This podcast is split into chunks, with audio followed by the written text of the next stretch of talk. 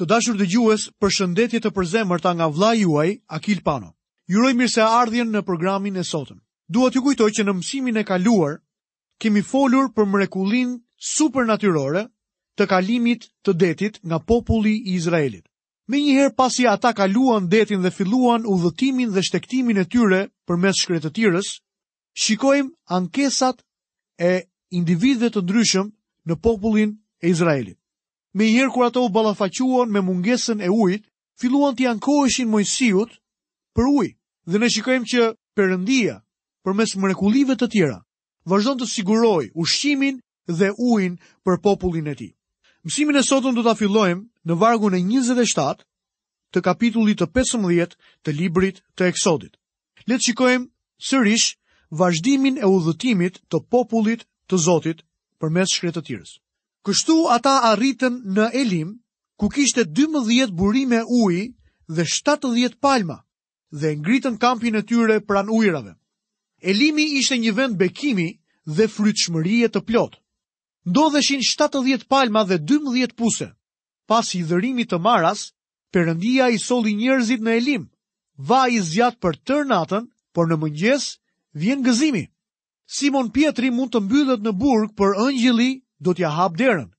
Apostulli Pal dhe Sila mund të jenë lidhur në mesnatë, por një tërmet do t'i çlirojë ata. Ndodhet një Mara në shtegun e pelegrinazhit tonë, Por mik, vazhdo të ecësh sepse do të gjesh patjetër edhe një oaz. Plani i Perëndisë për dobishmërinë çon gjithmonë në Mara dhe prej saj në Elim. A e mbani mend që edhe Jozefi e kaloi atë përvojë? Po ashtu dhe Moisiu, Elia, Davidi. Jam i sigurt se edhe unë dhe ti i kemi këto përvoja përpara nesh gjithashtu. Por pas çdo Mare ndodhet një Elim. Pas çdo reje ndodhet dielli, pas çdo hije ka dritë, pas çdo prove ka dhe triumf dhe pas çdo stuhie ka një ylber.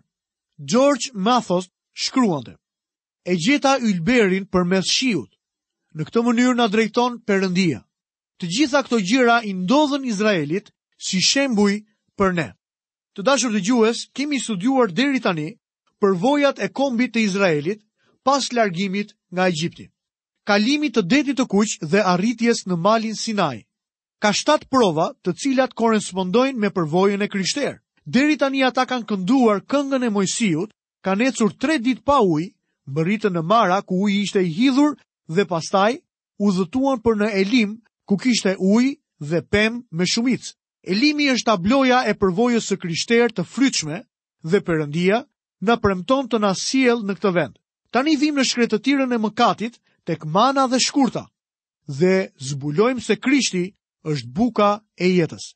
Le të shohim Izraelin i cili ankohet sepse ushqimi mungon. Do të fillojmë leximin tonë në kapitullin e 16 të librit të Eksodit, vargun e parë deri te vargu i tretë.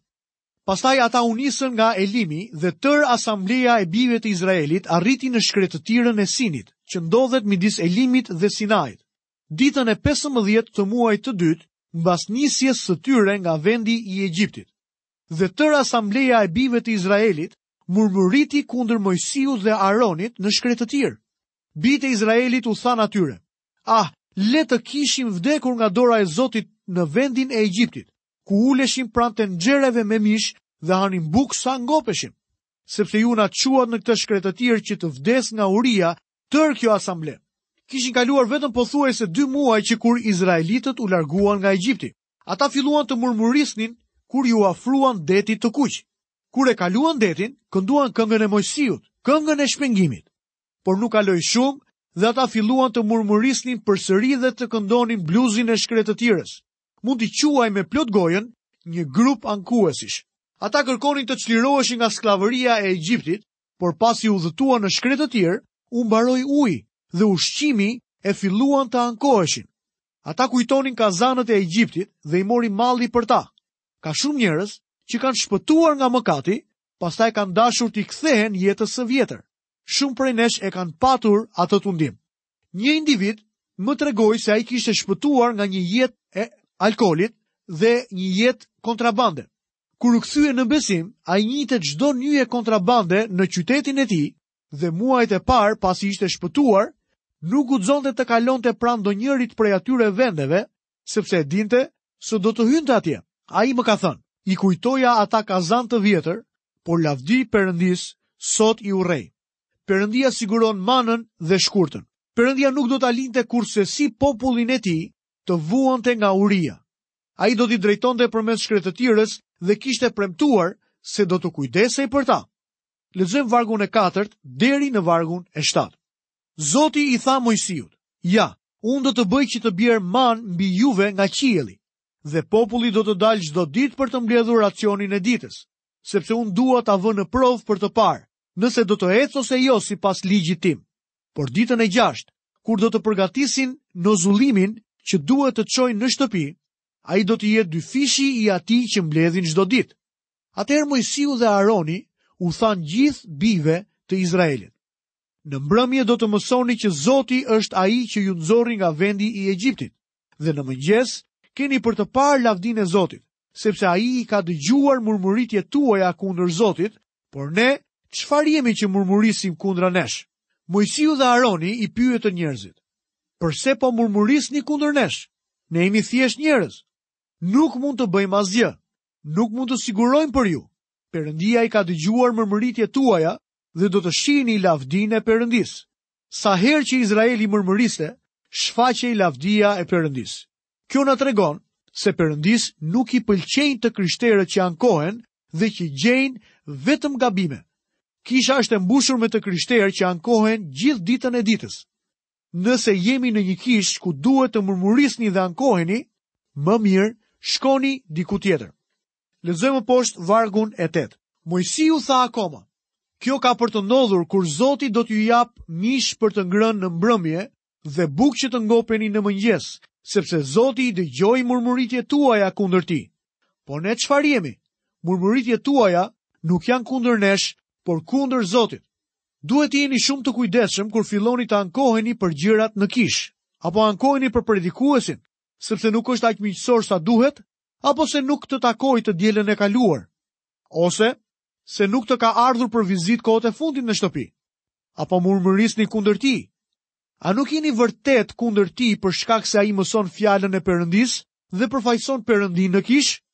Ndonjëherë, edhe ne predikuesit murmurisim dhe të gjithë duhet të jemi të kujdesshëm se nuk po murmurisim kundër Perëndisë. Kjo është një gjë që Perëndisë nuk i pëlqen. Lexojmë poshtë vargun e 9 deri në vargun e 13. Pastaj Moisiu i tha Aaronit, thuaj gjithë asamblesë së bijve të Izraelit, afrohuni para Zotit, sepse ai i dëgjoi murmuritjet tuaja. Ndërsa Aaroni i fliste tërë asamblesë së bijve të Izraelit, ata u sollën drejt shkretëtirës dhe ja, lavdia e Zotit u shfaq në re. Dhe Zoti i foli Moisiut duke i thënë, unë i dëgjova murmuritjet e bijve të Izraelit. Folu atyre duke thënë, Në të ngrysur do të hani mish dhe në mëngjes do të ngopeni me bukë dhe do të mësoni që unë jam Zoti Perëndia juaj. Dhe kështu, aty nga mbrëmja ndodhi që shkurtat u ngritën dhe mbuluan kampin dhe në mëngjes kishte një shtresë vese rreth kampit. Perëndia jo vetëm që i dha izraelitëve mana, por u dërgoi edhe shkurtat. Shkurtat ishin mbi mana ose bukë të thekur dhe ishte një ushqim shumë i mirë. Le të shohim përshkrimin e manës dhe mbledhjen e saj. Mana ishte ushqimi i izraelitëve ndërsa ata udhëtonin nëpër shkretëtirë. Lexojmë më poshtë vargjet 14 deri 16. Pastaj shtresa e vesës u zhduk dhe ja, mbi sipërfaqen e shkretëtirës u duk një gjë e hollë dhe rrumbullakët, e hollë si bryma mbi tokë. Kur bijtë e Izraelit e panë, i thanë njëri-tjetrit, Çfarë është? Sepse nuk e dinin se ç'ishte. Dhe Moisiu u tha atyre, Kjo është buka që Zoti ju dha për të ngrënë. Ja çfarë ka urdhëruar Zoti, secili të mbledh aq sa i duhet për ushqimin e tij, një omer për frymë, sipas numrit të personave që jeni, secili nga ju të marrë për ata që janë në çadrën e tij.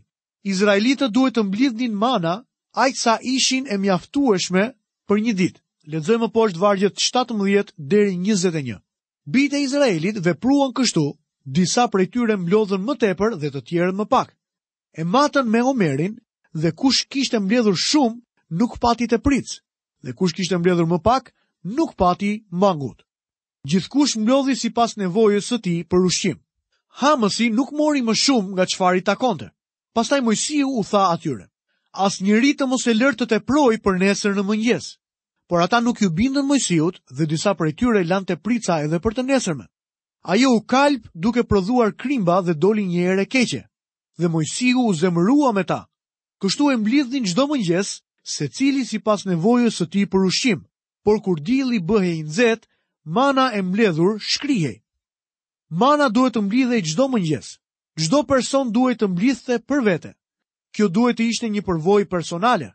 Mana përfaqëson Zotin Jezu Krisht si bukën e jetës.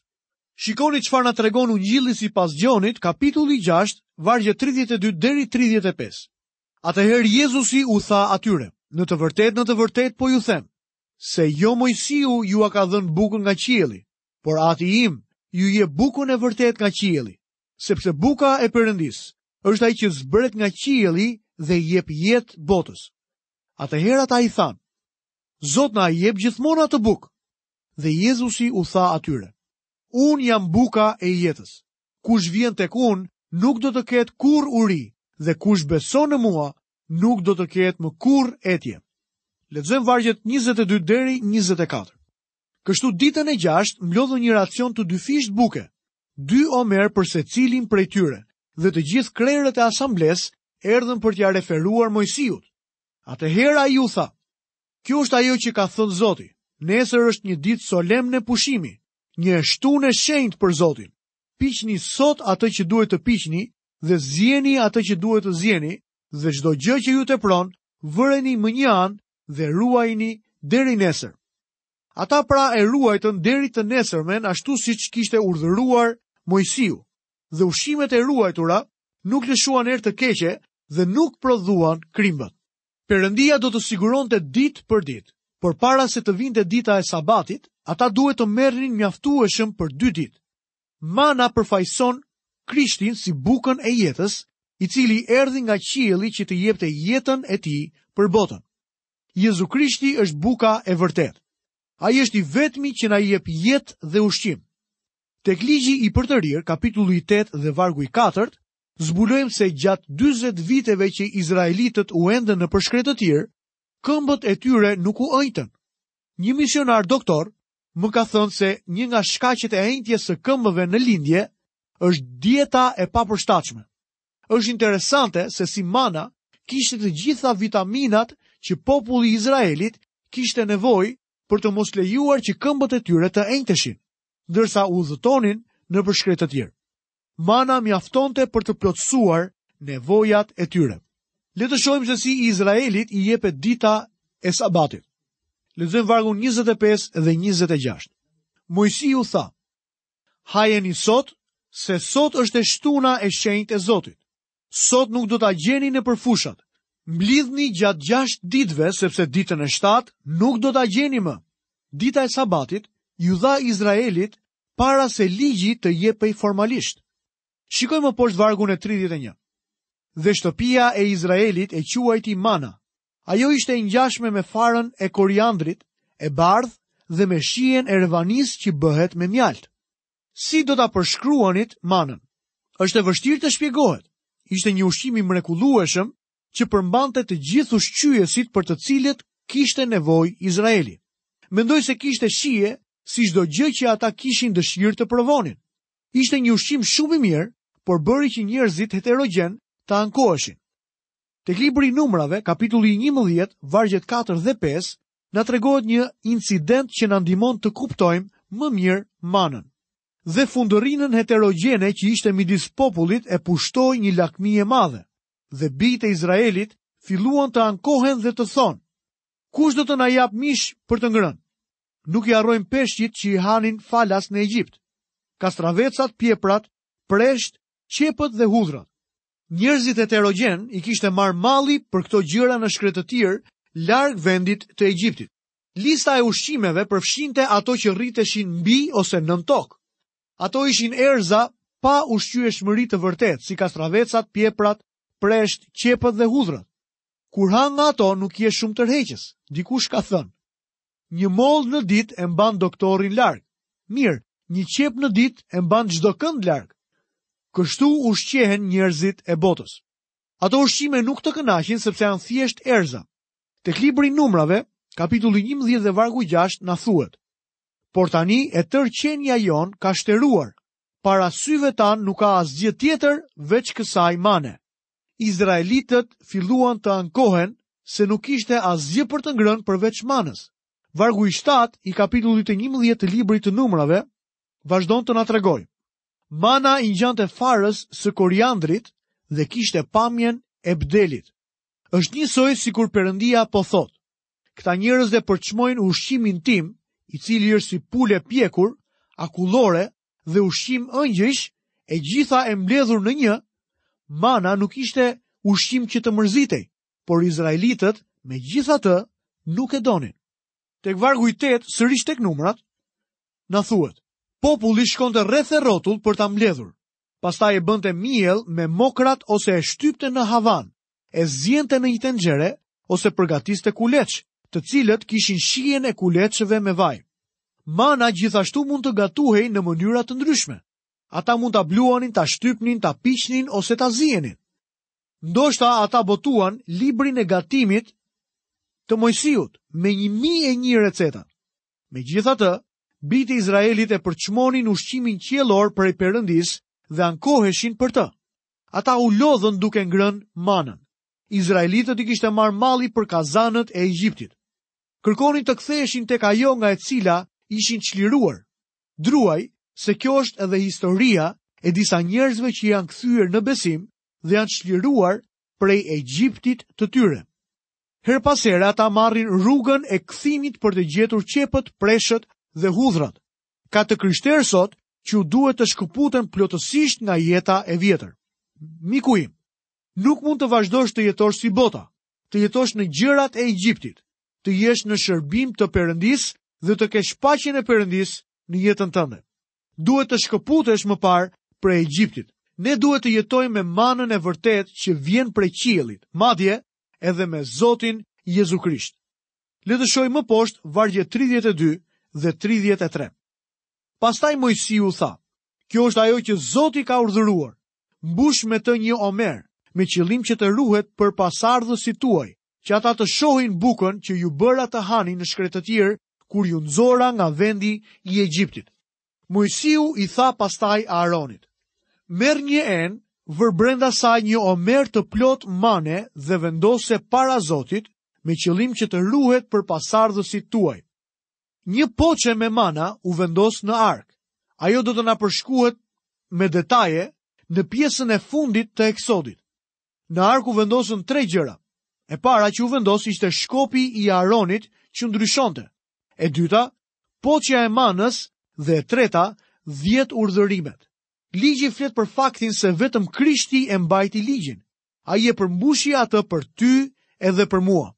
Ndërsa mana na flet gjithashtu për vdekjen e Krishtit për ne. Ai na është dhënë si ushqim shpirtëror. Shkopi i Aronit që ndryshonte flet për ngjalljen e tij. Pastaj, mbi arkë ishte vendi i mëshirës kur spërkatej gjaku, që shërbente si kapak. Vetëm Krishti ishte në gjendje të plotësonte kërkesat e Perëndisë. Vetëm ai është në gjendje të shpëtojë, sepse ai derdhi gjakun e tij.